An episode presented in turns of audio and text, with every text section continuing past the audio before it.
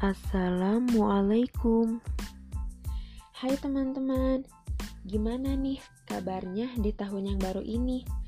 Semoga kalian yang mendengarkan podcast ini selalu dalam keadaan yang sehat dan baik-baik aja ya. Teman-teman, tahu gak sih di tahun yang baru ini Aku, Tati Meilani, akan membawakan sebuah podcast terbaru yang sudah aku buat. Oh iya, Podcast kali ini sangat spesial sekali karena berupa pesan cinta yang ditunjukkan untuk kalian para mahasiswa di mana pun berada. Teman-teman, penasaran gak sih kali ini aku mau bawain podcast tentang apa?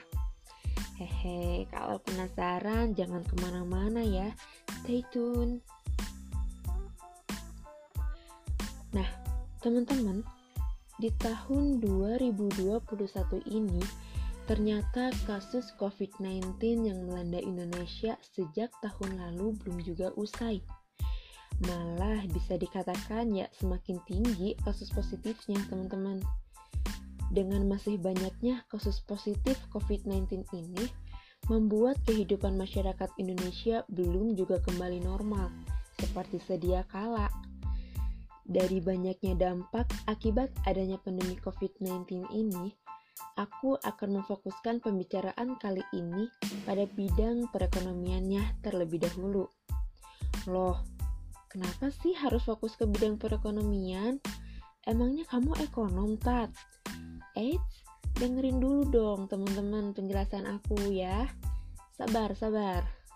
Gini teman-teman, kehidupan manusia itu tidak bisa dijauhkan dengan uang karena segalanya pasti menggunakan uang, meskipun uang bukan segalanya. Paham gak nih teman-teman? Oke, lanjut lagi deh ya, biar makin paham. Di tengah pandemi seperti ini, bisa kita lihat bagaimana kehidupan masyarakat Indonesia.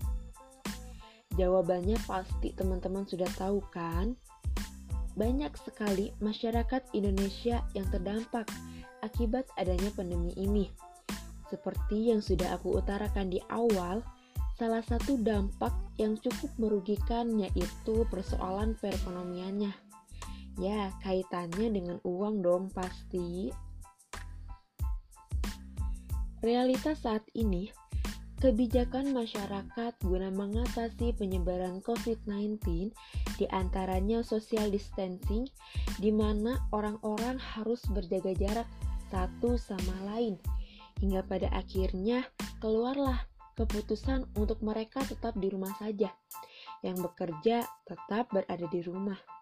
Nah, dari penjelasan itu saja sudah cukup menjawab mengapa perekonomian masyarakat Indonesia sangat terdampak akibat COVID-19.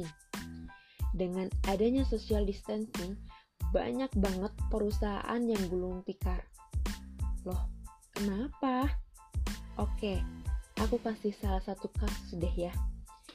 Ketika semua orang dianjurkan untuk tetap di rumah saja, kecil sekali peluang mereka untuk keluar rumah, hingga menyebabkan daya beli menjadi berkurang. Entah itu beli makanan, beli baju, beli sepatu, atau yang lainnya. Hal itu menyebabkan pemasukan perusahaan menurun, hingga tidak jarang untuk perusahaan yang sudah mengalami kerugian, ya gulung tikar, dan menyebabkan banyak karyawan perusahaan yang di PHK. Gimana teman-teman? Paham gak sampai sini? Masih mau lanjut dengerin kan? Oke deh, kita lanjutkan. Kondisi masyarakat yang seperti inilah yang perlu sekali mendapatkan uluran tangan kita berbicara mengenai kita, termasuk aku, merupakan seorang mahasiswa. Ingat nggak nih isi Tridharma perguruan tinggi?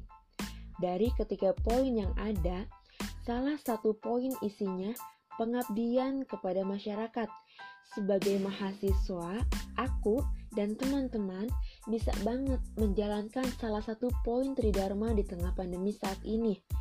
Mau tahu nggak apa yang bisa mahasiswa lakukan untuk menjadi salah satu solusi akibat permasalahan masyarakat yang terdampak pandemi?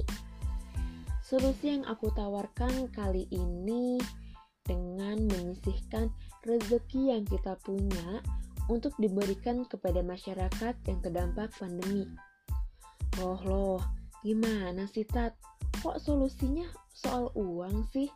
Kita mahasiswa, punya uang dari mana?